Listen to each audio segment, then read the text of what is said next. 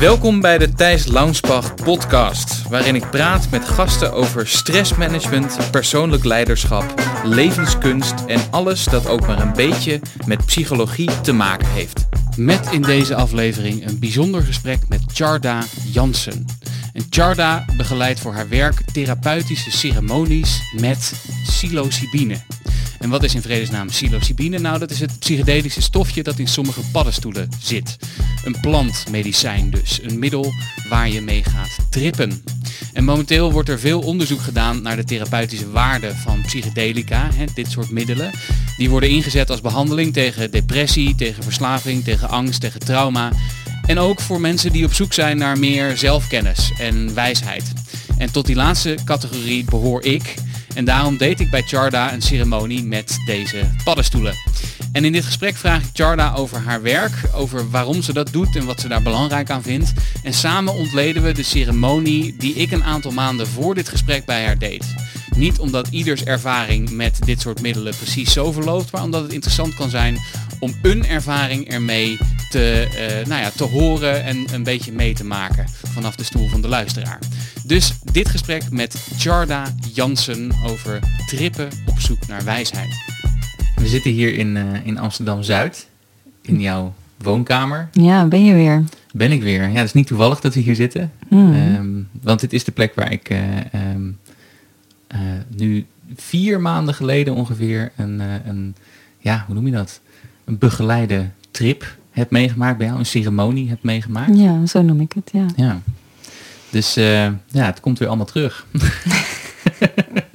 de, de, voor, de, voor de luisteraars die niet mee kunnen kijken, we zitten in een hele knusse woonkamer met een bank in de hoek en psychedelische kunst en mandala's aan de muur.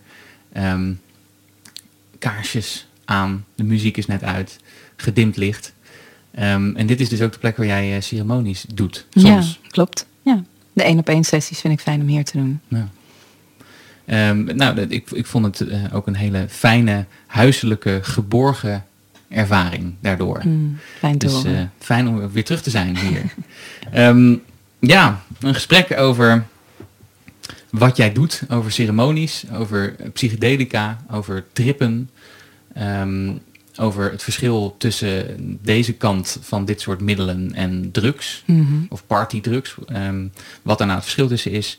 Um, en er zijn, dat is momenteel een onderwerp dat natuurlijk veel uh, in de aandacht is, omdat er weer veel onderzoek gedaan wordt naar uh, de toepassingen van, de therapeutische toepassingen van psychedelica. Um, er zijn allemaal onderzoeken waaruit blijkt dat het heel goed werkt voor mensen die uh, getraumatiseerd zijn, depressief zijn, zeker in de gevallen waar reguliere therapie niet helpt. Um, en het is ook al sinds jaar en dag, of het nou verboden was of niet, een middel dat mensen gebruiken om wijsheid te zoeken. Mm -hmm. um, het soort gesprek dat ik met jou wil hebben is niet zozeer, kijk, er zijn heel veel, en de, de luisteraars kunnen dat ook zelf vinden, heel veel podcasts, boeken, die worden nu geschreven over meer de wetenschappelijke kant van waarom werkt dit. Uh, het lijkt me juist zo leuk om met jou een gesprek te houden over um, hoe werkt dit praktisch gezien, het werk dat jij doet. Mm. Dus dat, uh, dat hoop, ik, uh, hoop ik te doen. Um, en ik wil ook wel iets vertellen over mijn eigen ervaring bij jou uh, in die ceremonie, die één op één ceremonie die ik, die ik heb gedaan.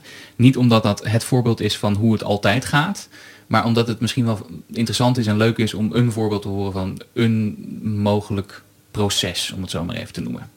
Um, wel even handig, denk ik, om een soort disclaimer even in te bouwen, helemaal aan het begin. Mm. We gaan het dus hebben over uh, tripmiddelen. Um, uh, die zijn uh, in sommige gevallen legaal, in andere gevallen niet zo, of sch schemerig. Dus een soort, een soort grijs gebied. Wat jij doet is wel legaal, mm -hmm. maar dat betekent niet dat mensen die nu enthousiast zijn geworden na het luisteren van alleen deze podcast nu linea recta naar de smart shop moeten rennen om daar alle truffels te, komen, die, te kopen die ze, die ze kunnen vinden. Want het zijn um, flinke middelen. Het, het, is niet zomaar wat. en ik zou zeggen, dit is ook niet iets wat je um, lichtzinnig moet, moet aanpakken, ja. zou ik zeggen. Ben ik het helemaal mee eens. Gelukkig. Dus als je dit hoort, um, u bent gewaarschuwd. dat is wel even denk ik goed om te zeggen. Ja. Um, en misschien zelfs, als je zoiets misschien voor het eerst doet, denk heel goed na over waarom en wat je intentie daarbij is. En overweeg, hè, dat, is, dat is natuurlijk het werk wat jij doet, over, overweeg om dat begeleid te doen. Ja. Of in ieder geval onder begeleiding van iemand die dat al vaker heeft gedaan. Ehm, want je kunt ook angstige dingen tegenkomen. Of heftige dingen. Of dingen waar je heel lang over moet nadenken. En het kan ook heel kwetsbaar zijn. Nou, genoeg gedisclaimerd, denk ik. Mhm. Ehm, Ik vind het trouwens wel een goed onderwerp om, om over door te praten. Ja. Want het grote verschil is denk ik dat het een... Het verschil is als je het als een drugs gebruikt of als een plantmedicijn. en wat is dan het verschil? Nou, als je het als een drugs gebruikt, dan ga je eigenlijk buiten jezelf. Dan zoek je andere input. Dan ga je weg van jezelf. Je wil hè, lachen om dingen. Je wil, je wil eruit eigenlijk. En als je het als plantmedicijn gebruikt, dan ga je naar binnen toe. Dan ga je de waarheid zoeken. En dan ga je het echt gebruiken om te helen. En dat is het, grote verschil kan je het eigenlijk eh, eh, niet krijgen. Stel dat jij op een feestje komt en eh, je treft iemand, je stelt je voor aan iemand die je nog niet kent, die ook heel weinig weet van, van psychedelica. Wat zeg je dan dat je doet? Wat is jouw beroep? Ehm, dat ik therapeutisch werk doe, eh, soms met psychedelica. Ehm, ja, zo leg ik het eigenlijk uit, dat ik werk met plantmedicijn. En ehm, ja, het is eigenlijk gewoon een, een, een tool. Het is niet per se dat ik mezelf als tripzitter zie, wat soms ook heel handig kan zijn. Maar de mensen die bij mij komen, die zijn toch wel op zoek naar iets diepers. Of ze willen eh, echt iets uit zichzelf eh, halen om, om op te lossen, een trauma behandelen ehm, of eh, spirituele stappen zetten. Ehm, en daarvoor heb je ook wat begeleiding nodig. Je hebt van tevoren wat, wat werk nodig om intenties te zetten, om erachter te komen wat je eigenlijk wil bereiken. Ehm, en het is eigenlijk gewoon werk wat je moet verrichten. Dat heb je zelf waarschijnlijk ook meegemaakt. En, en ik ben eigenlijk alleen de begeleider daarvan. Dat wel weer op het moment dat het gebeurt. Maar ik moet wel een beetje weten welke kant we op gaan. En eh, ja, om, om de muziek aan te passen of de gesprekken eventueel te kunnen voeren die, de, die de ontstaan.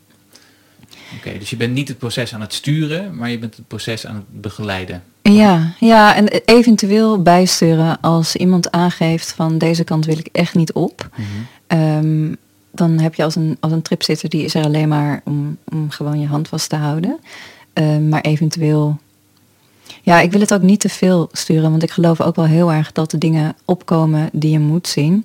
Alleen het kan ook zijn dat je in een soort loop terechtkomt, of als je in een angst waar je dan te veel aandacht aan gaat besteden, omdat je het spannend vindt, omdat je voor het eerst voelt dat, dat je een plantmedicijn hebt of een drugs, of hoe je het ook wil noemen dan. Ehm, het is natuurlijk wel een middel die je voelt, ook in je lijf. En eh, dat kan best heel spannend zijn voor de eerste keer. Dus ehm, dan zit ik er wel eigenlijk bovenop om je daardoor heen te begeleiden. Om ja, daar, je daarvan weg te sturen, om je aandacht daarop te richten. En gewoon weer connectie met jezelf te maken en met je lijf. En, eh, zodat de echte magie kan beginnen. Ja, dus therapeutisch, thera- je doet therapeutisch werk, je noemt jezelf geen shamaan of guru. Nee. nee, het is wel grappig, want ja, sommigen kunnen dat dan zo noemen. Jij, jij noemt het dan heel, eh, heel lief shamaan. Ehm, en ik begrijp ook wel waar dat voor staat, want het is natuurlijk wel een plantmedicijn wat ook heel erg in Zuid-Amerika wordt gebruikt al heel lang. Ehm, maar wat het grappige is, ik zou eerder, ja, ik ben gewoon mezelf, eh, dat, dat als eerste, maar ehm, bij mij zou eerder, eh, tijdens de ceremonies komt vaak een, een, het is eerder het werk van een priesteres uit Egypte bijvoorbeeld. Of ik heb bijna tijdens elke ceremonie die ik zelf doe of begeleid, komen daar beelden van. En ja, echt hele oude beelden komen er langs van dat ik eigenlijk hetzelfde werk deed.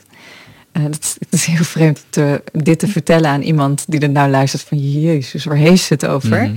Maar ja, en dat heb ik zelf soms ook wel, maar eh, eh, als ik erover na ga denken. Maar ja, tijdens een ceremonie gebeurt dat gewoon. Er komen altijd beelden langs. Dat ik denk, ja, dit had ik eigenlijk niet van tevoren kunnen bedenken. En zo helder en zo clear. En, dus ja, een vriendinnetje zei laatst van het is eerder een, een hoge priesteres. En toen dacht ik van ja, dat is eigenlijk wel vaak wat, eh, wat mijn herinneringen dan zijn. Laten we, laten we nog even terug naar, naar waar we het eigenlijk hebben, we, eh, over hebben. We hebben het dus over psychedelica. Mhm. Dat, dat zijn middelen, geestverruimende middelen. Ja. Die bestaan er in heel veel verschillende smaken. Eh, maar jij werkt het meest met psilocybine. Ja, ja psilocybine eh, vind ik, ehm, ja, vind ik het, het, de lievere vorm van bijvoorbeeld ayahuasca. Eh, ik vind dat je er evenveel mee kunt bereiken. Ehm, het, het, eh, ja, het is echt, het thema is vaak wel zelfliefde. Eh, je krijgt alsnog heel veel diepe herinneringen, kan je omhoog halen. Dus daarmee kan je ook traumaverwerking doen. Ehm, maar je kan ook dwars door alle dimensies gaan, waardoor je zeg maar alle connecties ineens kan zien van alle gebeurtenissen in je leven en waarom je überhaupt op aarde bent. En ehm, waardoor het ook een hele diepe spirituele ervaring kan geven. En ehm, ja, dus ik, ik, ben, ik ben ontzettend fan, fan van de, van de paddenstoel. Ehm, dus inderdaad, de paddenstoel of de, of de truffel, daar, mm. daar, daar, zit het in. Gelukkig niet in alle paddenstoelen of truffels. Eet ook niet alle paddenstoelen die je tegenkomt overigens in het wild. Maar dat, uh, je, weet, je weet verder niet wat je mensen moet zeggen natuurlijk. Hè. Maar, ja. Ehm, en dat is een middel dat je neemt. En wat gebeurt er dan? Dan, dan ben je een aantal uur onder zeil. Ja, ja, het begint eerst met dat je je kan een beetje, uh, je realiteit begint een beetje te veranderen. Je voelt je ook een beetje ja, bijna duizelig. Of dat je een beetje gekke tintelingen voelt. Heel lichtjes hoor. Ehm, en dan op een gegeven moment, als je dan je ogen dicht gaat doen, dan, uh, ja, dan kan je eerst wat patronen gaan zien. En dat is eigenlijk wat heel veel psychedelica heeft. Of de ayahuasca, of ze zeggen ook LSD, dat heb ik zelf nog nooit gehad. Ook geen interesse voor, gek genoeg. Ehm, dus die, die standaard patronen wat je eigenlijk van de 60s kunst ziet, dat is ook echt wat je dan in één keer voor je ziet. Ja, dus het, psychedelische kunst wat je je daar nu bij voorstelt, dat eigenlijk. Ja, kaleidoscopisch. Precies, precies dat. Vervormingen. Ja, een soort van gekke slangen die rondjes maken met ogen, met bijzondere kleuren, wat maar doorgaat en doorgaat. En dat is vaak wat iedereen, waar iedereen mee begint. Ehm, en, en dat is eigenlijk het moment dat ja, volgens mij je hersens gewoon aan het wennen zijn aan het middel. En daarna, zeg maar na een half uurtje, uh, twintig minuten, een half uurtje nadat je daar doorheen bent, ehm, dan, ja, dan begint eigenlijk de echte magie. Dan komen er beelden, ehm, inzichten. Het is alsof je heel bewust aan het dromen bent, maar je hebt soms een droom dat je wakker wordt met wauw, dit was zo belangrijk, ik begrijp nu hoe ik het moet doen. En het zijn eigenlijk zulke dromen, maar dan gewoon anderhalf uur, twee uur achter elkaar. En dat vind ik zo fijn aan psilocybine. Uh, het grote verschil met bijvoorbeeld ayahuasca is dat het zes uur lang doorgaat. En, uh, en Met hiermee, LSD 12 uur? Precies, tot 12 uur. En ik hoor zelfs soms ook langer. Uh, als je er een beetje in blijft hangen. En dit is gewoon heel beperkt. En het is al zo vol. En het is zoveel, zoveel informatie krijg je door. Dat, uh, dat het gewoon genoeg is. Je zit op een gegeven moment echt vol. Je weet niet eens meer wat je op kan schrijven. Van ja, ik, het is zoveel. Ik heb nou de belangrijke punten. Maar elke keer, dat heb jij misschien ook meegemaakt. Dat mhm. gewoon in de weken daarna dan zet je een kopje koffie en dan denk je, wauw, dit doet me zo denken. En dan dat je in één keer weer een heel verhaal uit je ceremonie herinnert, waar je niet, niet teruggedacht hebt. Ja, ja het, is, het is alsof het een aantal dingen doet. Ten eerste dat je heel erg open komt te staan voor indrukken en voor gedachten. Mhm. Ehm, maar ook dat, dat volgens mij, tenminste dat is, dat is mijn, wat ik, wat ik ervan begrijp, ook de soort van de fysiologische werking, is dat je een verstoring krijgt in dat deel van je hersenen dat uh, eigenlijk waar, waar je vastgeroeste patronen zitten, zeg maar. Waardoor je de mogelijkheid krijgt om ehm, met een nieuwe blik naar jezelf en naar de wereld te kijken. En dus letterlijk ook nieuwe gedachten te krijgen, nieuwe verbindingen te leggen. Ja, die dingen. ja dat is wat je doet. Ja. Dus ik heb, het, ik heb het iemand ook wel eens horen uitleggen als, um, stel dat je een skipiste hebt Ehm, en daar gaan heel veel mensen overheen, waardoor de paden waar de meeste mensen skiën, die worden heel erg uitgesleten. Mm dan kun je met dit middel, als je het goed doet en met de juiste intentie doet, kan je een soort nieuw pak sneeuw laten vallen, waar je weer opnieuw een soort van wegen in kunt uithouden. Ja, dus het voorbeeld wat, uh, wat ik veel gebruik is eigenlijk de hond. Dat je als kind eh, heel erg bang wordt van een hond. Die hoor je blaffen en je wordt achterna gezeten en eh, je hebt echt een ongelooflijke angst en je denkt dat je aan de dood ontsnapt. En voortaan ben je voor altijd bang als je een hond wordt blaffen, omdat je bang bent dat je weer misschien bijna eraan gaat. En wat je eigenlijk doet tijdens een ceremonie is dat je naar dat moment teruggaat.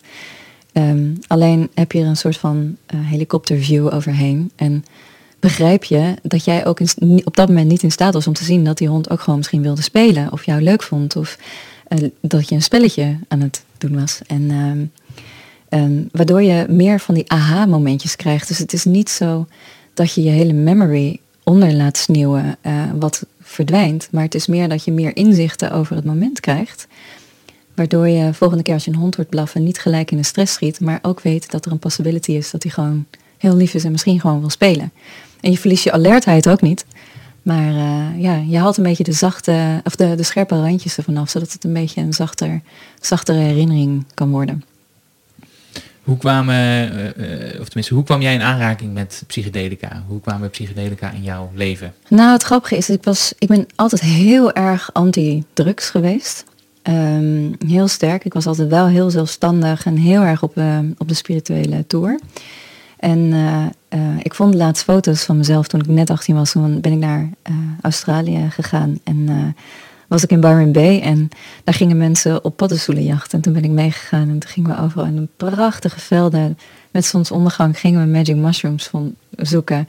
En ik vond het heel bijzonder om dat zoiets wat zoveel effect zou kunnen hebben, dat je dat gewoon in de natuur kon plukken. Dus er zat een ontzettende aantrekkingskracht voor mij. En ik weet ook nog wel dat ik ze heel lang vast heb gehouden en ze ook niet meer los wilde laten.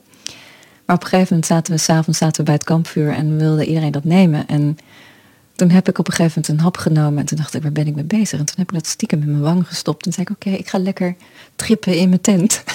toen heb ik het stiekem uitgespuugd en, uh, en dacht ik, ja, dat, dat, ik voel dat ik dat niet wil. En uh, wat heel leuk is, want ik kan me, goed herinneren, omdat die volgende ochtend ben ik voor zonsondergang of zonsopgang ben ik naar het strand gegaan. En heb ik een meditatie gehad en het was een van de mooiste meditaties uh, uit mijn leven. En uh, waar ik ik, er kwam een haai langs en er kwam een, een dolfijn beneden langs met een, met een babytje en allemaal in dezelfde zee. En ik voelde me toen zo één met de wereld en met mezelf en in mijn eigen kracht. En uh, ik ben heel blij dat ik dat moment heb meegemaakt en dat ik dat niet met psychedelica heb hoeven doen. Um, en als er dan jaren later, toen, uh, toen zat ik in een scheiding, of ja, een scheiding, laat het scheiding noemen. um, en, en dat was een heel moeilijk moment in mijn leven. Ik, uh, ik kon geen huisje vinden in Amsterdam, terwijl ik wel een klein dochtertje van drie had. En um, ik zette, ja, alles stond een beetje op zijn kop. En um, dat was eigenlijk het moment dat uh, ik ayahuasca wilde doen. Daar had ik ook al wel een paar jaar over gehoord. Um, Want ayahuasca, voor de mensen die, dat, die, die misschien wel de naam een keer hebben horen vallen, maar niet weten wat het is dat is een ander psychedelisch middel. Ja, ja het is eigenlijk wel heel bekend uh, inmiddels, want het is heel veel in de media geweest. Het is eigenlijk een soort van landmedicijn, aka drugsthee, wat indianen gebruiken, als je het heel snel zegt. Ja, een indianen, hè, natives. Uh, um, en uh, dat, is eigenlijk, dat zijn eigenlijk twee planten die je gebruikt. Ayahuasca is de eerste plant die je neemt, uh, wat eigenlijk ervoor zorgt dat uh, de DMT, wat je natuurlijk al in je lijf hebt, uh, niet wordt afgebroken door je lever. En DMT is het, het, het werkzame Ja, het werkzame middel wat je eigenlijk van nature ook hebt. En daarna neem je nog een plant, een maalremmer, wat er helemaal...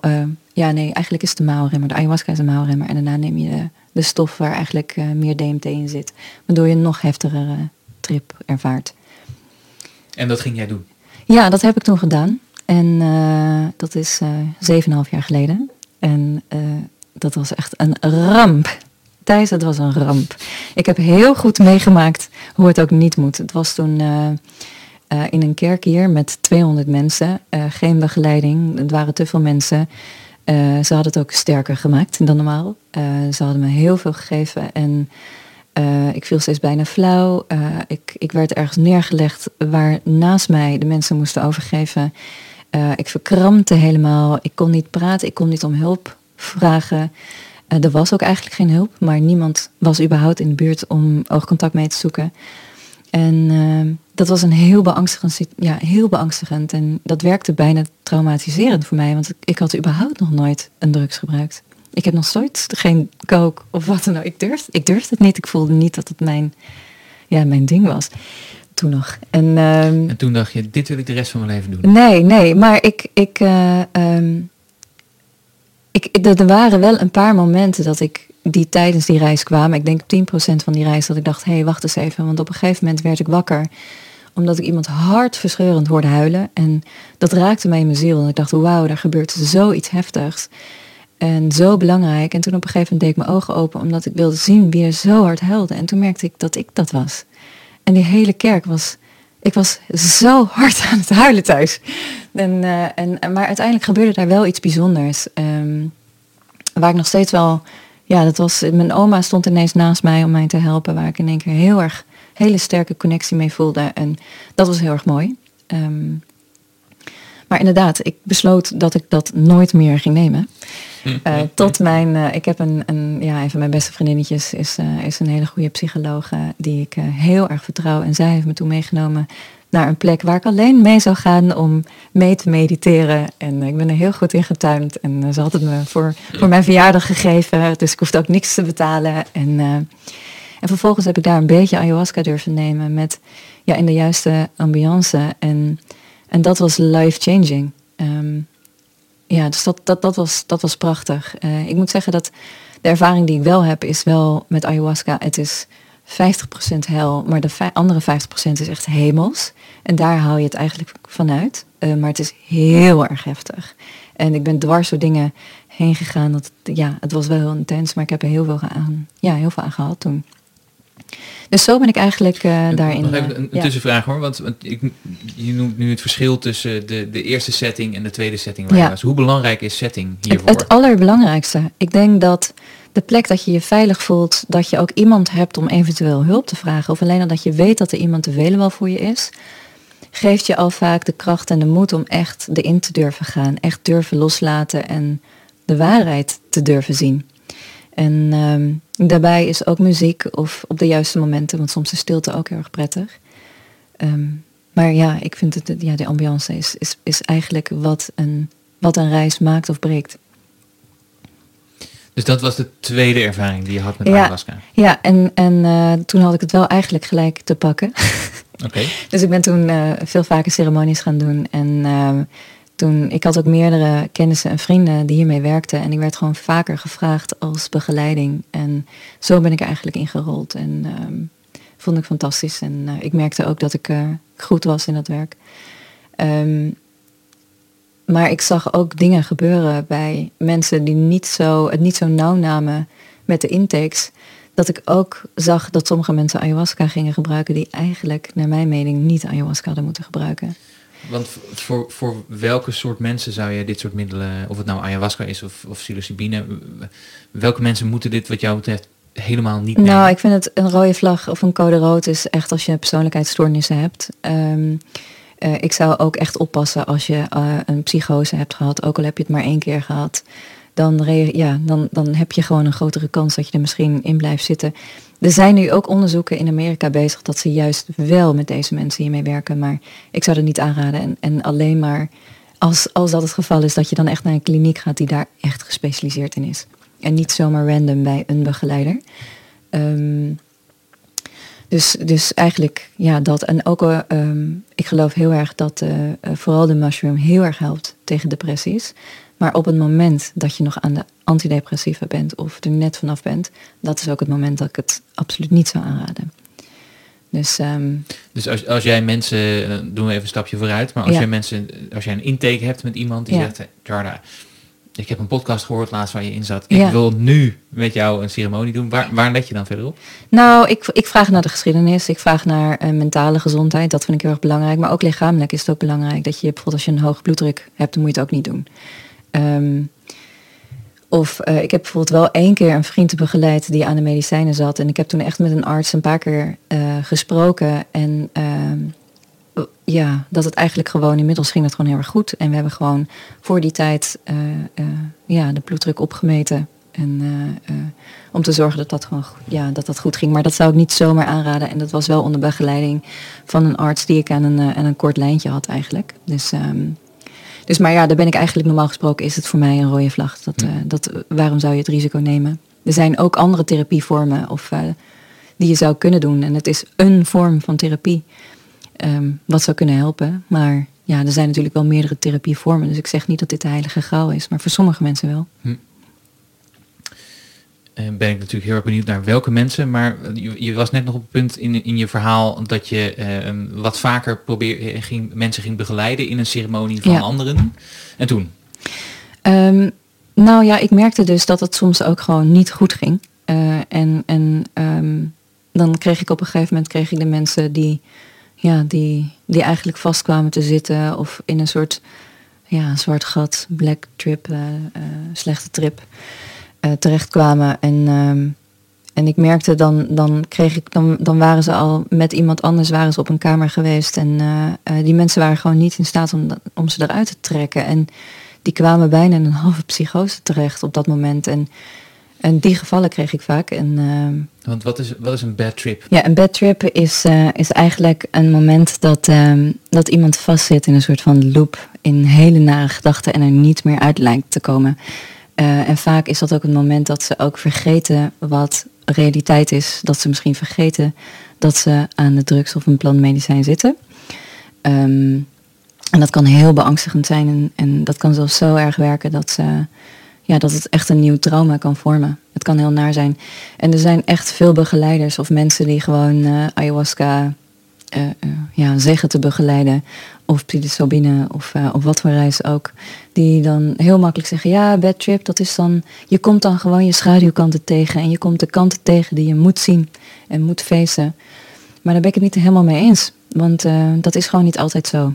Het is soms een gemiste kans. Want op het moment als je wel connected met jezelf was... of iemand heeft je een beetje geholpen om weer even bij jezelf te komen dan begint die magie. Dan kan je echt zelf je eigen werk doen. Dan kan je echt ook gewoon voelen en aangaan wat je aan moet gaan.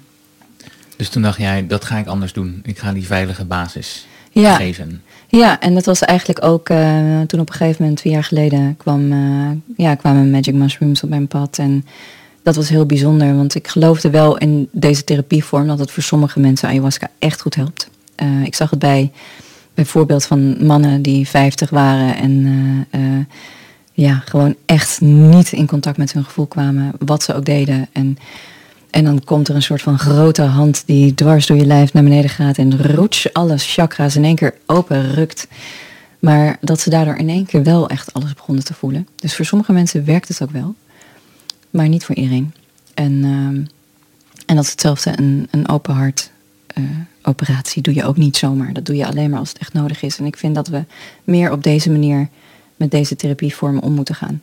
En, uh, en alleen als je ook voelt dat je het moet doen. En toen op een gegeven moment kwamen Magic Mushrooms op mijn pad. En, uh, en ja, dat, dat, dat, dat was echt liefde op het eerste gezicht. Ik had alles wat ik voelde, alles wat ik meemaakte. Ik dacht, jeetje, dit heb ik al zo vaak eerder gedaan. Um, en het was heel bijzonder. Ik zag echt twintig levens voor me. Waar ik mezelf zag werken met deze stoffen. En... Uh, ja, dat voelde gewoon als thuiskomen. Ik kan het nog steeds, ik voel me nog steeds als ik het over heb, over dat eerste moment dat ik dat nam, dat was echt magisch. En toen dacht ik, ja, dit, is mijn calling in alles, in elke vezel van mijn lijf, in mijn hele ziel. Begon te zingen en uh, ja, dus ik voel me heel verbonden met, uh, met mushrooms. Kun je misschien iets vertellen over, over een paar van je eigen ervaringen met, uh, met, met paddenstoelen of met truffels of met psilocybine? En dan misschien kun je iets vertellen over een ervaring die heel mooi was en een ervaring die, die juist heel moeilijk was misschien? Um, ja.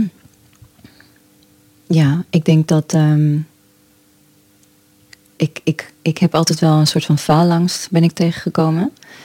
Um, en dat heeft eigenlijk iedereen. Iedereen heeft een moment van faalangst vaak. Of iedereen heeft wel een, een schaduwkant.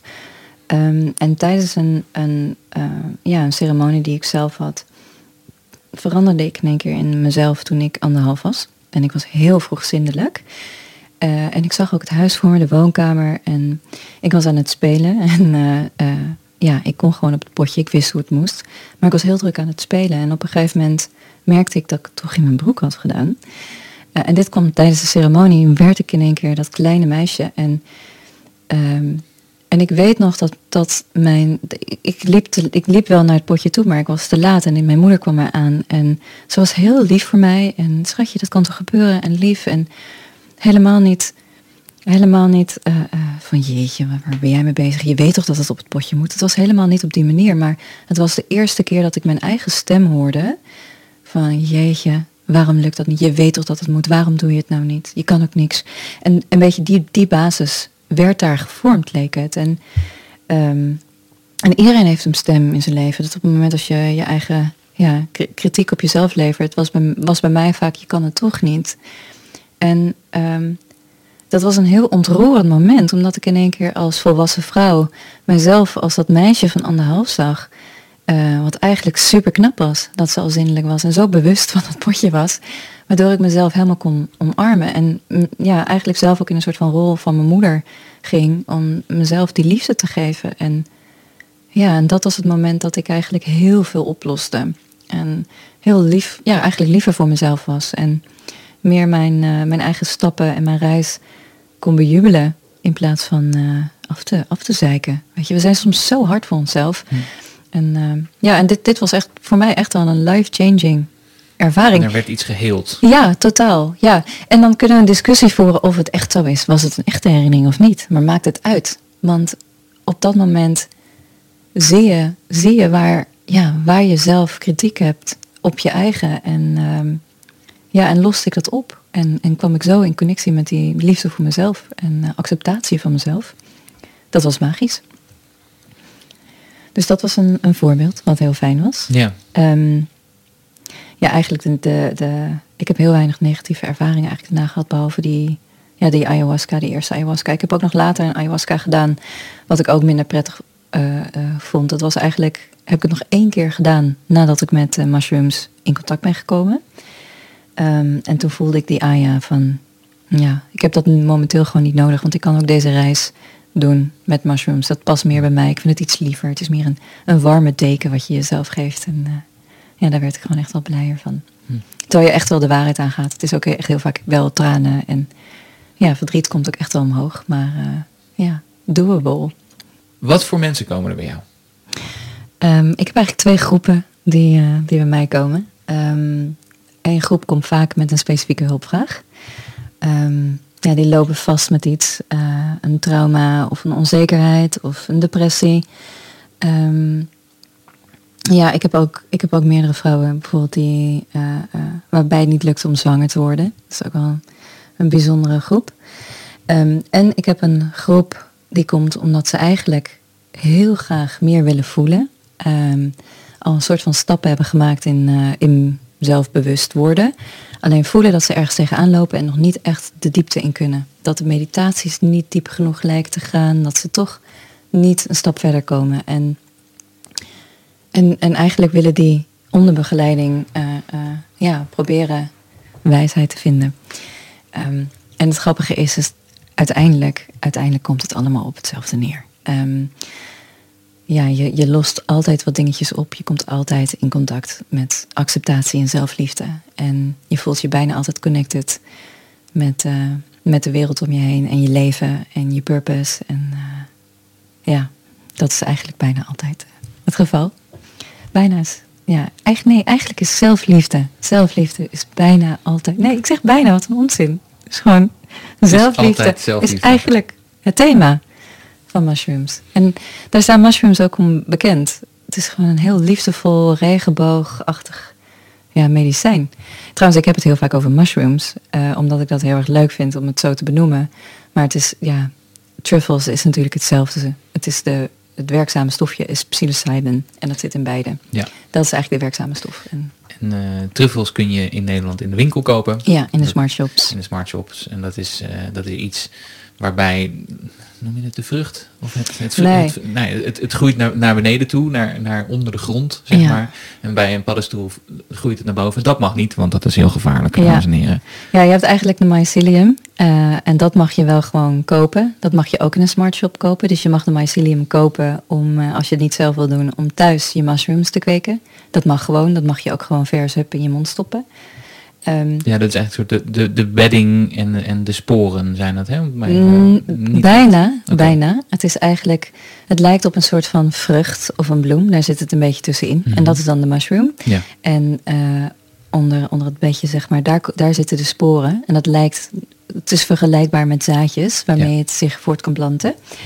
Ehm, en wat er gebeurt met truffles is dat ze eigenlijk de mycelium niet onder de juiste relaxe omstandigheden houden, maar eigenlijk een beetje stress erop zitten, waarop het zich niet veilig genoeg voelt om de mushrooms naar buiten te laten komen. Maar ze gaan zich eigenlijk zeg maar oppotten, ehm, zodat ze in een later stadium dan misschien, misschien eh, zich opnieuw kunnen proberen voor te planten. Maar dat is eigenlijk wat de truffles zijn. Juist, dus truffels zijn eigenlijk gestreste, onveilige hechte ja, eigenlijk wel. maar gelukkig zitten dan wel de goede stoffen in, eh, eh, waardoor, waardoor het alsnog heel veel liefde bevat. Maar persoonlijk heb ik daarom wel meer met mushrooms. Oké, fair. ja. Ehm, misschien is, is het leuk om even naar, naar mijn ervaring bij jou te gaan. Ja. En dan ben ik ook wel even benieuwd. hè, dus ik denk dat het een goed, een, goed- een goed beeld is voor mensen om eens te zien van hoe, hoe werkt het nou in praktische zin, zo'n zo'n Ja. ceremonie. ja, leuk. Eh, of wat, is, wat kan een voorbeeld daarvan zijn? Ehm, en ik ben ook stiekem wel benieuwd natuurlijk naar meer jouw perspectief daarop. Hmm. Ehm, want wij eh, eh, kwamen elkaar eh, tegen online, omdat Mhm. we een soort van met dezelfde dingen bezig zijn. Eh, ik heb ook wel vrij lang eh, interesse in, eh, in psychedelica. Jij had iets gezien van wat ik deed en andersom. Ehm, dus wij raakten met elkaar in contact. En eh, nadat we een, keertje koffie hadden gedronken, dacht ik, als ik dan toch, een, want dat had ik nog nooit gedaan, als ik dan toch een keertje een begeleide sessie wil doen. Hè, dus een, eh, ik, ik had al wat ervaring met, eh, met, met paddenstoelen en met LSD, niet Mhm. met ayahuasca. eh, maar eigenlijk nog nooit onder begeleiding. Dus ik dacht, nou ja, dat, dat wil ik wel een keer meemaken, zoiets. En als ik dat dan een keertje wil doen, dan wil ik dat wel bij Charda doen. Want die is zo'n moederlijk, warm type. Dat, eh, dat lijkt me wel een goede, eh, een, een goede match. Ehm, en mijn motivatie was dat ik een aantal maanden geleden, net zoals nu, nu we dit opnemen, eh, bezig ben met een nieuw boek. Hmm. Ik wilde wat nieuwe gedachten krijgen. Ik was op zoek naar wijsheid. Dat was volgens mij ook letterlijk mijn intentie. Ik, Ja. ik ben op zoek naar wijsheid. Ehm, en dat, dat was waar ik ermee inging. Dus ik had niet een, een specifiek issue waarvan ik dacht, ik ga daarmee aan de slag. Maar het was, volgens mij heb ik iets te leren hiervan. Ehm, en ik ben op zoek naar wijsheid. Dus wat, wat kan ik hiervan leren? Ja, jij behoort dus tot groep 2. Twee, die, die zeggen dat ze voor wijsheid komen, maar Ja. allemaal eigenlijk een beetje meer van zichzelf moeten houden. Ja, waarvan akte. Ehm, ehm, de- nou, we hebben een, een moment gevonden waarop dat kon. Eh, maar het begon eigenlijk al een week, ongeveer een week, anderhalve week, eh, voordat de ceremonie zelf zou plaatsvinden. Want toen hebben wij gebeld en toen heb je me een aantal instructies meegegeven. Ja. Kun, kun, je, kun je vertellen welke instructies dat zijn? Wat, wat geef je mensen vaak mee van tevoren? ja, nou we hebben eerst even gesproken wat je intentie was. Natuurlijk, dat is heel belangrijk om dat duidelijk te krijgen. Dat is eigenlijk ook een soort intake, hè? Ja, ja, ja. En ehm, daarbij eh, ehm, ging, ik- ging ik jou wat liedjes sturen waar ik aan, aan moest denken, wat nummers. Waar je al je intentie aan kon verbinden. Eh, en eh, de instructies waren om daarmee te mediteren. Absoluut geen alcohol, drugs die week te nemen. Ehm, en, en bewust zijn dat je een ceremonie ging doen. Ehm, wat ik zie als een soort van, het is toch een soort heilige stap. Het is een soort gift aan jezelf. Het is niet zomaar iets. En ehm, het is heel handig om tijdens een ceremonie een liedje in te zetten waar je al een intentie aan verbonden hebt. Want dan ga je automatisch, word je al de juiste kant op gestuurd. Maar het is ook een hele goede voorbereiding om bewust elke dag verplicht even te moeten mediteren als voorbereiding. Want je neemt jezelf daardoor een stuk serieuzer en de ceremonie daardoor ook. Waardoor eigenlijk, ja, het werk begint al echt die week. En, ehm, en vaak verander je energetisch al, omdat, ja, dat, dat is wat ik geloof. Ik ben eigenlijk ook een Groningse boerin. Ik hoor mezelf dan praten met ja, ja, ja. maar ik geloof, ja, dat je toch energetisch begin je, ja, je, je staat al anders op als je weet, dit is de dag van de ceremonie. En ik denk dat je ziel ergens weet van, ja, dat is moeilijk om er woorden aan te geven, maar het is vaak wel een heel bijzonder moment. En eh, ja, je, groe- je, je ziel groeit, je krijgt inzichten en ehm, Waarom Ja. noem je het een ceremonie?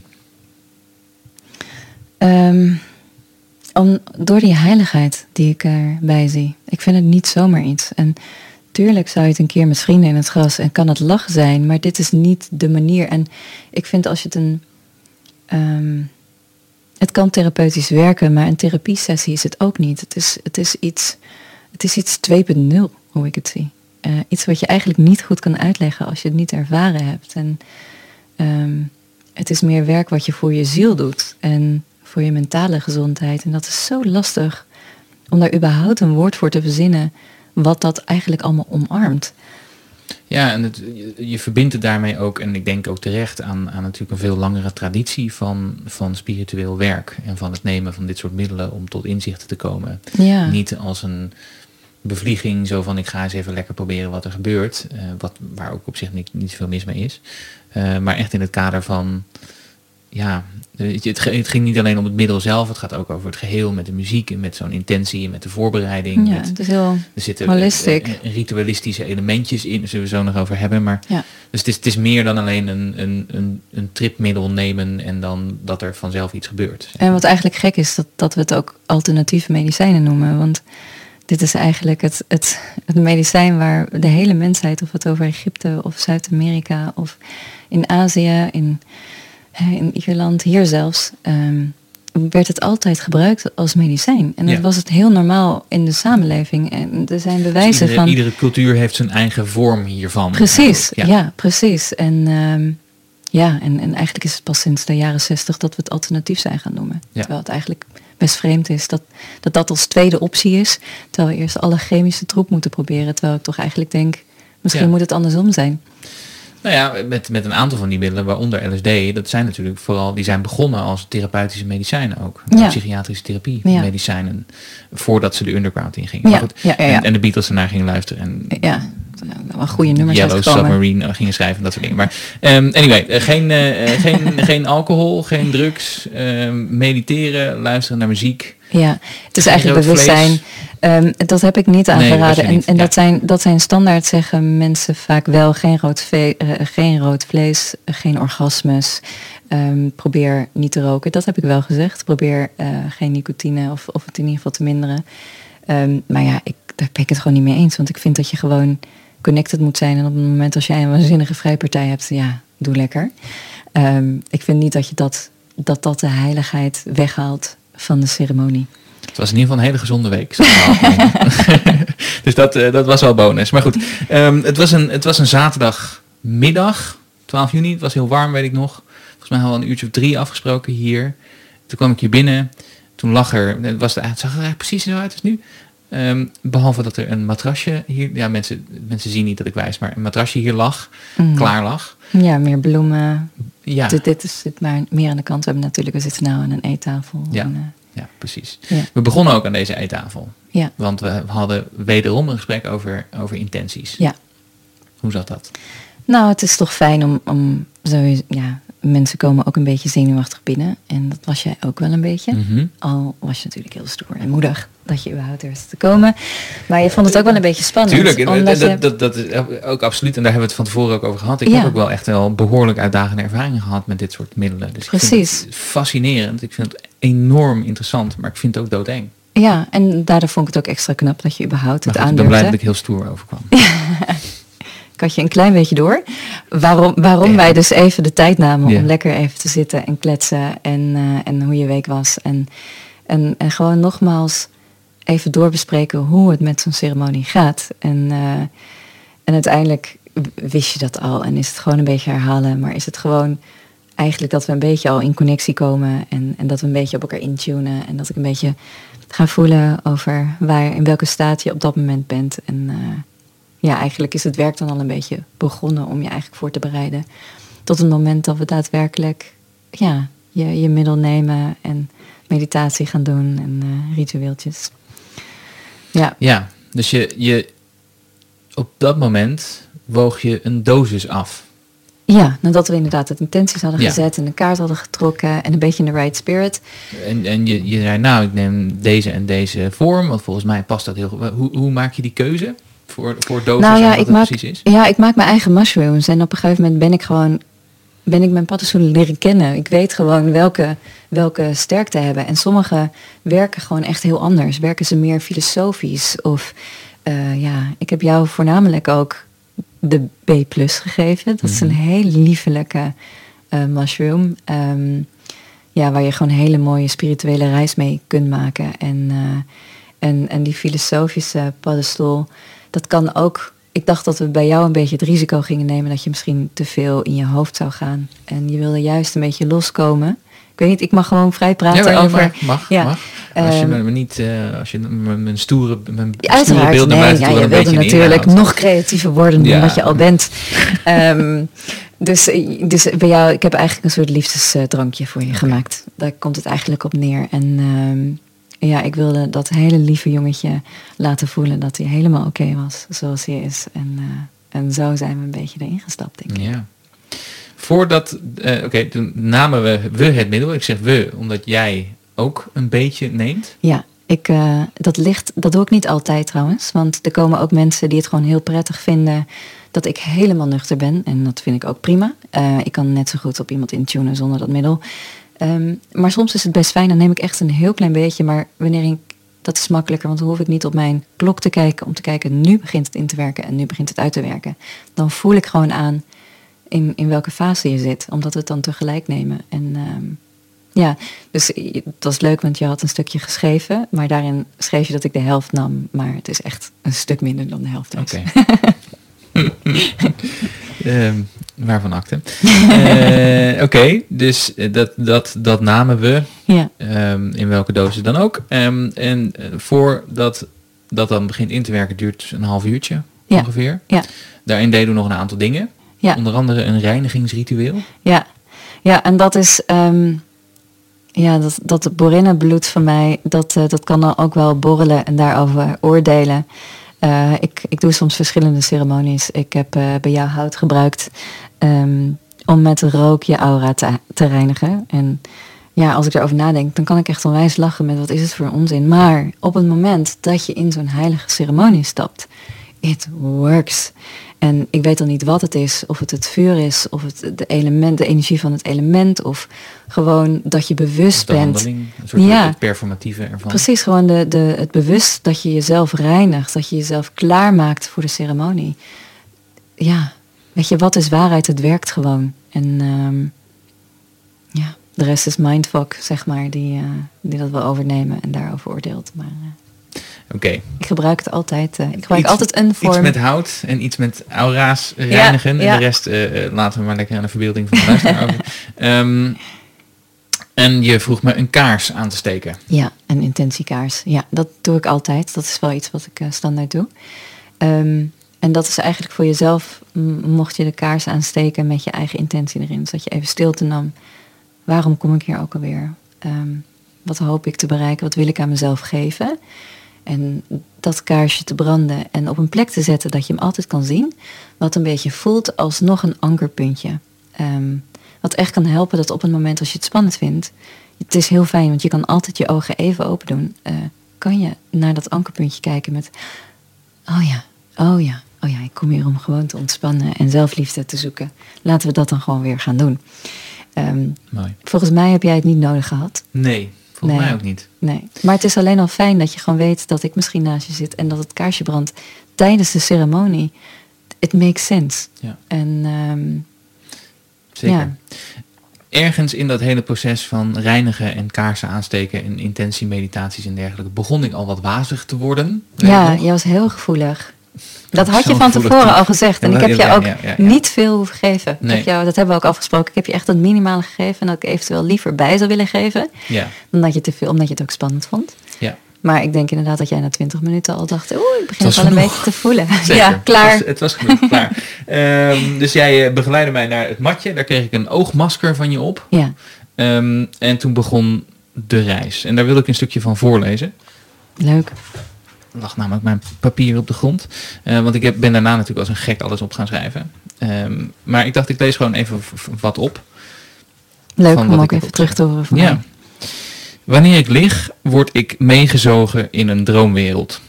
Want zo voelt het. Als dromen, maar dan wakker.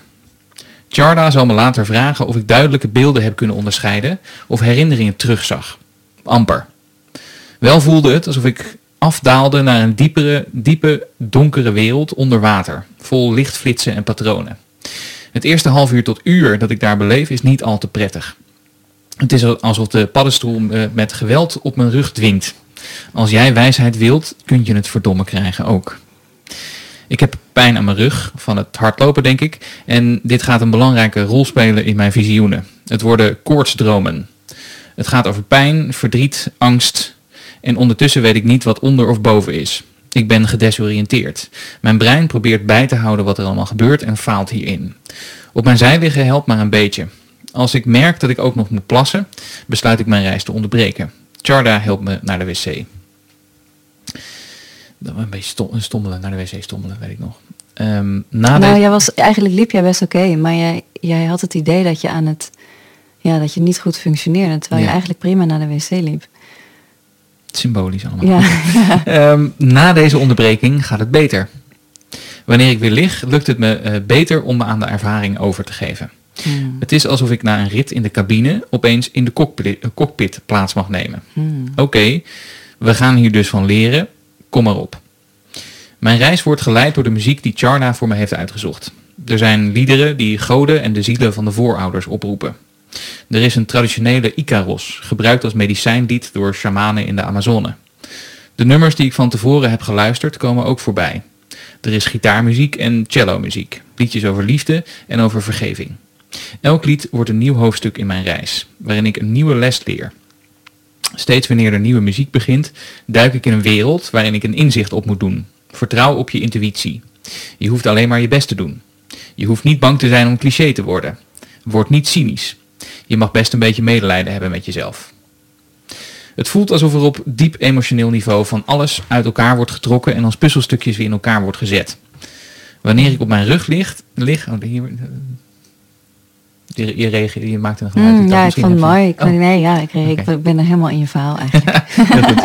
um, als je me onderbreken en wil iets wil toevoegen, dan mag dat. Nee, mag ik, dat zeker. luister, ik vind het Ik ga ook straks vragen wat jouw ervaring ja. was. Maar, um, wanneer ik op mijn rug lig, heb ik het idee dat ik op een operatietafel lig. Soul surgery. Er is een moment waarop woorden niet meer bestaan en alles uit beelden bestaat. Lekker als schrijver. Ja, fijn. Heb je, heb je wat aan. uh, wanneer ik dat overbekende pianostuk van Jan Tiersen hoort, cadeautje, grinnikt Charda, zie ik al die mensen voor me die op hun eigen piano of keyboard een poging doen om juist dat nummer te spelen. Het idee van al die gefaalde pogingen vervult me met mededogen. Ik vind het tragisch en dolkomisch tegelijk. Het leidt tot een overpeinzing over het onvermogen van woorden om een ervaring in te vatten. Gedoemd tot mislukken, maar desondanks het enige dat we hebben. Dat was mijn... Uh, ja, en hierna is de reis alweer afgelopen. Nou ja, het, het, staat hier alsof het heel kort was, maar het was behoorlijk lang en intens. Voor mij in ieder geval. Ja, want het is grappig, want jij denkt dat jij een, half, of een uur onder water hebt gezeten met je gedachten en je strijd. Maar uiteindelijk was dat echt maar 20 minuten, een half uurtje. Maximaal. Okay. Want uh, ja, want ik weet het moment dat je naar de wc ging, dat is heel vaak zo. Dat mensen, dat het, het moet inwerken. En dat momentje, daar moet je even aan wennen. Uh, en dan is het vaak heel prettig om even, even eruit te stappen, je ogen open te doen, even naar het toilet te gaan. Of even totaal in lachen uit te barsten om daarna de echte reis te beginnen. Hmm. Dus je deed het eigenlijk precies volgens het boekje al. Leverde jij iets meer strijd? in ja, het begin. Le, ja, voor in het begin vooral. Ja, voor in het begin. Het was wel, uh, ja, je werd een beetje draaierig en... Uh, ja en ik had ook het idee dat je niet echt om hulp durfde te vragen. Dat je daar misschien een beetje, dat je toch een beetje stoer wilde blijven. Wie weet. Wie weet, ja. En uh, ik, ja, het was heel fijn dat je, dat je gewoon dacht van ik wil hier even uitstappen. Dat deed je heel goed. En, uh, en ja, helpt een toilettrip even. de, de muziek is een hele belangrijke, een heel belangrijk element hierin. Hè? Ja, dus je doet wel een oogmasker op, dus je gaat wel naar binnen. Dus je mm -hmm. visuele uh, zintuig wordt even afgesloten, maar je gebruikt wel heel veel muziek. Ja, en je hebt toch het idee dat je heel veel ziet ook. Dat ja. is het grappige, want je, hebt, je, je mist niet je... Ik heb nog echt nog nooit geprobeerd... Uh, het is niet zo dat op het moment als je oordopjes indoet... dat je dan vanzelf muziek gaat horen. Wat je wel doet met je ogen natuurlijk. Dat je ja. vanzelf beelden gaat zien. Maar ja, nee, muziek is heel erg belangrijk. En uh, ik omschrijf het vaak alsof het... Ik zie bijna een soort van slakkenhuis voor me... maar dan met allemaal kleine uh, kamertjes. En elk muziekstuk is eigenlijk een nieuwe kamer. En je gaat steeds langzamerhand zo naar, naar, naar de kern toe. En in elke kamer kom je iets tegen wat je kan loslaten of inzien. Of... En het is ook heel prettig op een moment als je iets tegenkomt uh, tijdens de reis, wat je gewoon minder, ja, minder fijn vindt. Dat je weet, oh, dit is gewoon een kamertje. Wees maar gewoon getuige.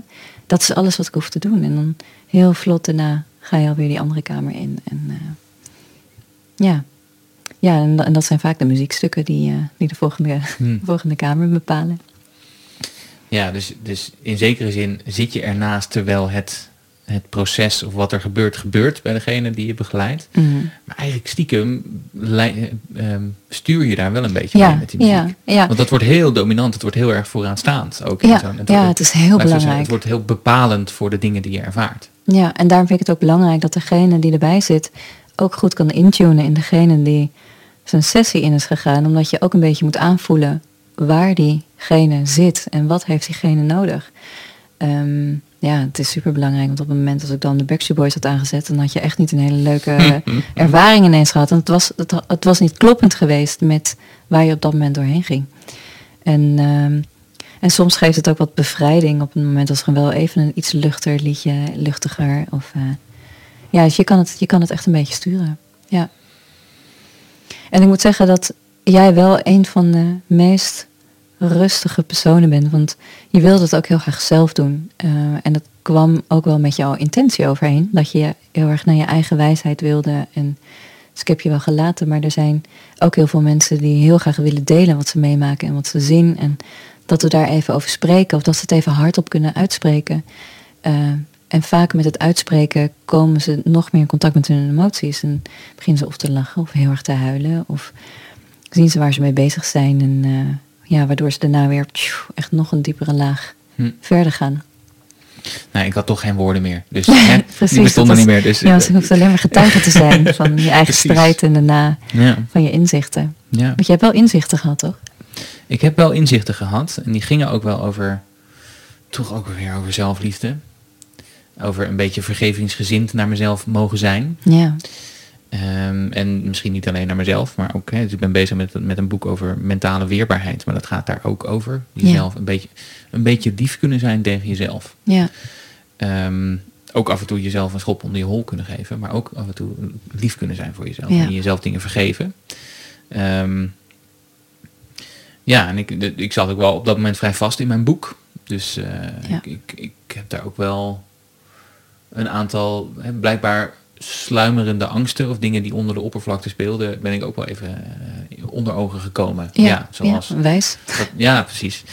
Um, zoals uh, dit, dat het, de angst om cliché te zijn of iets te zeggen dat al lang gezegd is en iedereen eigenlijk al weet. Ja. Um, dus daar heb ik wel, zeker wel, wel inzichten op gedaan. Ja. En het is grappig, want als ik ook terugdenk aan onze ceremonie, ik heb je heel vaak met een hele grote glimlach op je matras zien liggen. Wow. Ja. De tweede helft. Was ja, dat, wel. ja dat, kan, dat kan wel. Ja. ja. En dan kwam er weer een liedje en dan begon je weer te lachen met, oh, wat een goede match dit. En dan was het, oh, wat een goed liedje. En dan was je weer helemaal blij met dat nieuwe. Ah, mm. ja. En dan, mm, ja, oh. Nee, het is een beetje die, die kamertjes waar je het over had. Ik had ook echt ja. het gevoel dat elk nieuw nummer dat begon, dat ging, en was, was weer een nieuw hoofdstukje in de reis. En dat ja. zei weer iets heel anders. En dat was weer een hele andere wereld waar ik even iets, weer iets anders moest leren. Dus dat was, uh, ja, was een hele interessante...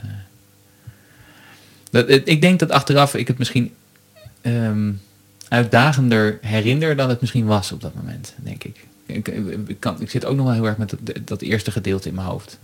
Hmm. Zwaar, last van mijn rug, veel te torsen, dat, dat hele ding.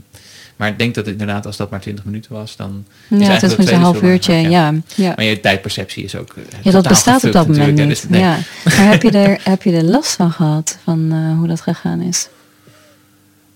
Uh, nee. Nee, ik heb er geen last van gehad. En ook achteraf, zal ik zo ook nog wel even wat over zeggen, vond ik het eigenlijk echt heb, alleen maar positieve dingen ervaren. Maar het was niet, het was geen walk in the park.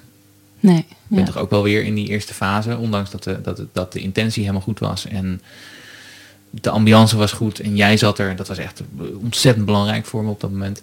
Uh, toch ook weer een aantal dingen tegenkomen die, die, die ingewikkeld waren. Zoals ik dat eigenlijk elke keer doe als ik dit soort middelen gebruik. Ja, en dat is vaak ook, ik, ik omschrijf het vaak dat het verschil is met die AYA. Is, dit is 80% helemaal en 20% heftig. Ja. Um, maar dit zijn ook de dingetjes die je in het dagelijkse leven ook tegenkomt. Dit is waar je ook over droomt. Dit is waar je ook zomaar, als je dus een boek wil schrijven en je komt er tegen, waar je buikpijn van krijgt met potverdorie, het werkt niet. Um, het is eigenlijk hetzelfde wat je, ja, wat je dan tegenkomt in het begin van die reis. Dat je dat gevecht met jezelf hebt. Alleen wordt dat heel erg duidelijk gemaakt wat, het, wat dat voor jou betekent. Ja. En uh, en wat je daarna dus meer kan oplossen. En die inzicht van wat is het nou eigenlijk? Wat gebeurt er dan eigenlijk als ik daar tegenaan loop? Wat in het dagelijkse, dagelijkse leven heel lastig is. Omdat je heel makkelijk eruit kan stappen. Als je zo voelt, denk je, ja, fuck it, ik zet even Netflix aan. Of, uh, ja. En dat is heel fijn dat dat kan. Maar uh, nou moet je het aangaan. En, daarvoor, is, ja, en daarvoor was je er ook. Dat klopt. En dat, dat is denk ik een van de dingen die het ook wel anders maakt dan, dan therapie. Je kan niet weg. Dus je bent, ja, misschien kun je. Ja, okay, het, is, het was ook omdat je dus geen hulp wilde vragen. Daar zat dus ook iets bij. Want op het moment dat je dus echt daar zit en dat je denkt, ik wil uit. Het is echt heel makkelijk om op dat moment je ooglapje af te doen en om hulp te vragen.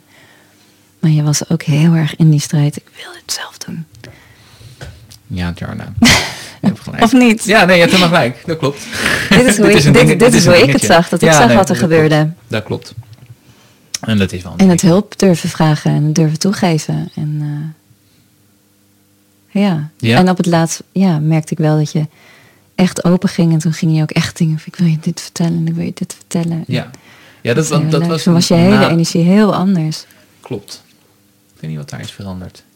Het was eigenlijk begonnen tijdens, ehm, eh, wat ik vaak doe tijdens de ceremonie, is dat ik het laatste gedeelte, terwijl je eigenlijk nog een beetje onder invloed bent, maar dat we dat moment gebruiken om dingen te gaan opschrijven. Ja, want je zei, het is nu bijna afgelopen. Toen zat ik er ook nog wel echt behoorlijk in. Eh, eh, hè, toen vroeg je me eh, het ooglapje af te doen. Ja, Toen zei je, ik ga even wat eten maken in de keuken. ja, Ga maar vast schrijven. ja. Waarom doe je dat? Nou, het is dan omdat je, het, het, komt eigenlijk in golven dan op het laatste. En, de- en de tijd tussen zo'n golven wordt steeds langer dat je weer even helemaal terug bent. En dan voel je weer keer, oh, ik voel het weer eventjes. Ehm, omdat je dan weer genoeg geland bent om wel te gaan schrijven wat je mee hebt gemaakt. eh, maar wel nog connected bent met al je ervaringen. En, ehm, en het is vaak heel fijn als je toch gaat schrijven wat je hebt meegemaakt, al zijn het kernwoorden, waardoor je de dag erna eh, het toch beter kan terugherinneren. Waardoor je het beter weer kan integreren in je, in je, in je leven. Dus dat is eigenlijk waarom ik dat doe. Om, eh, om er zoveel mogelijk uit te halen.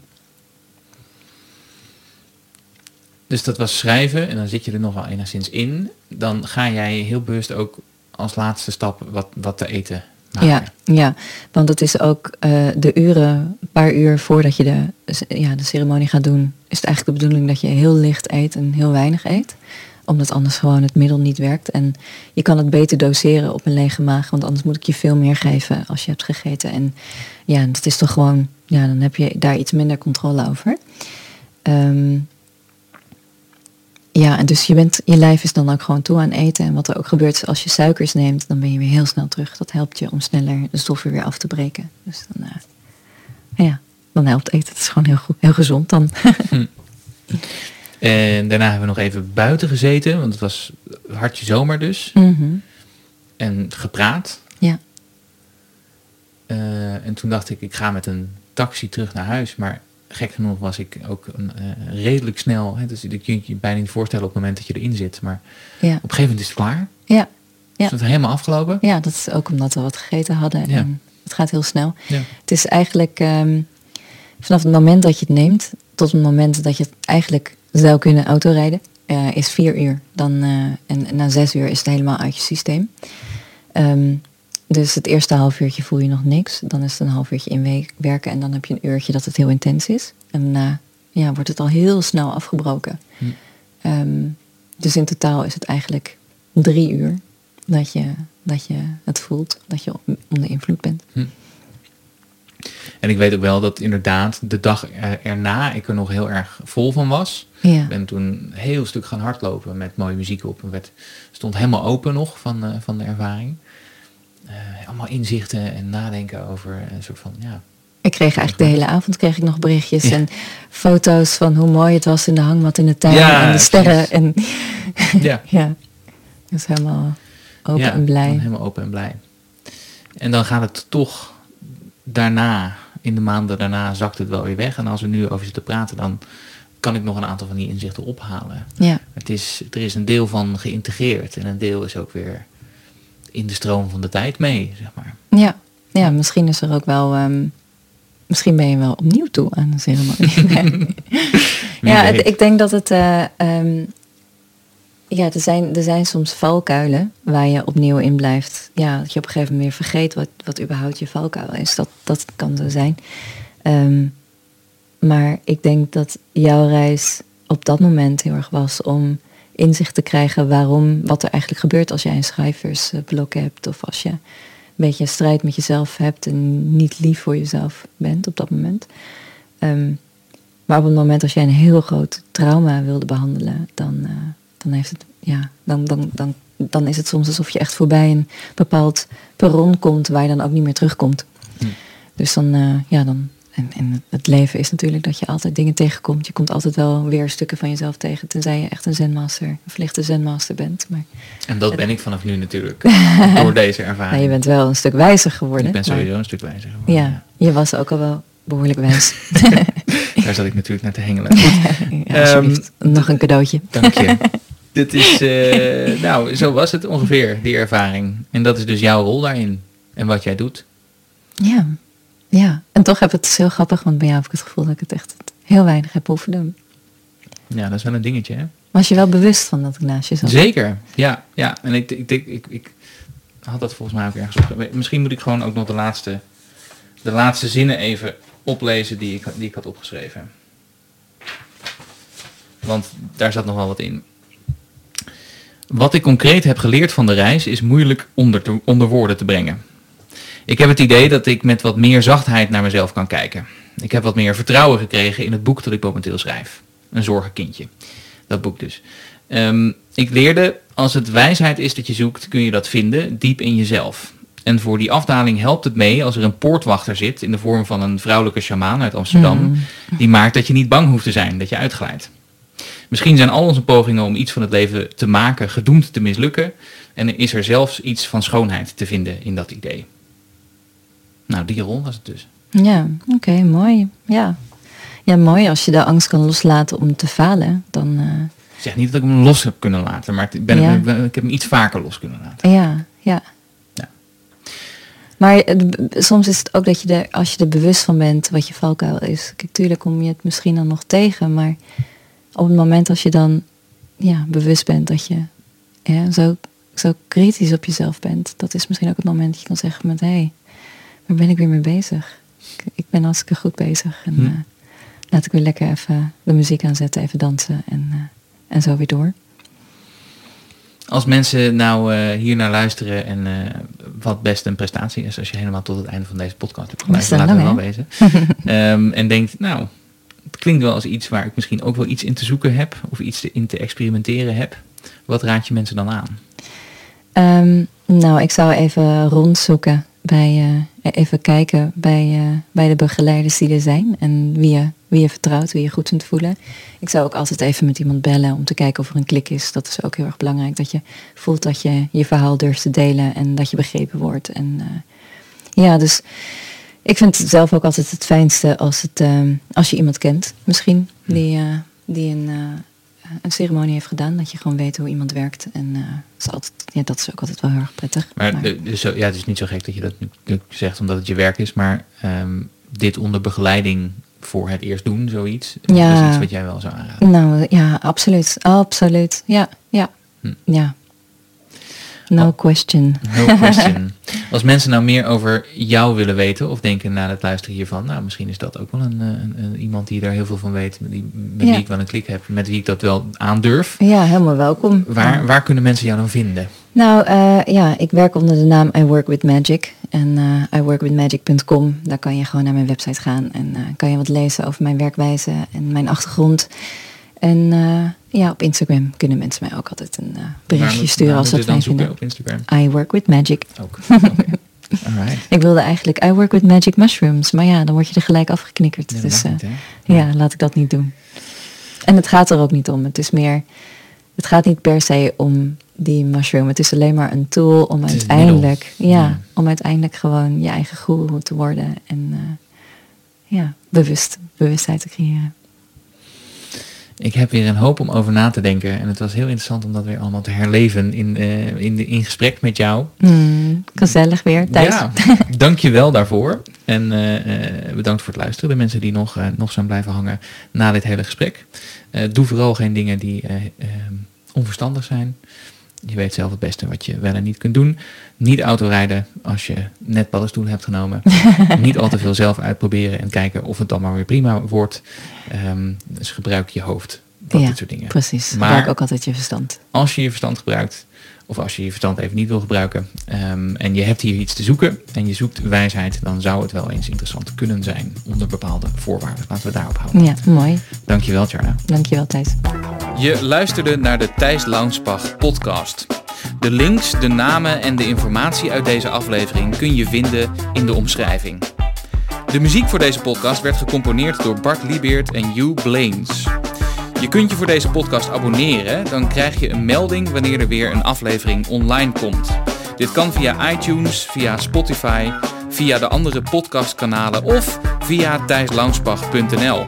En mocht je daar dan toch zijn, schrijf je dan vooral ook in voor mijn nieuwsbrief. Dan hou ik je op de hoogte van alle nieuws rond boeken, columns en podcasts.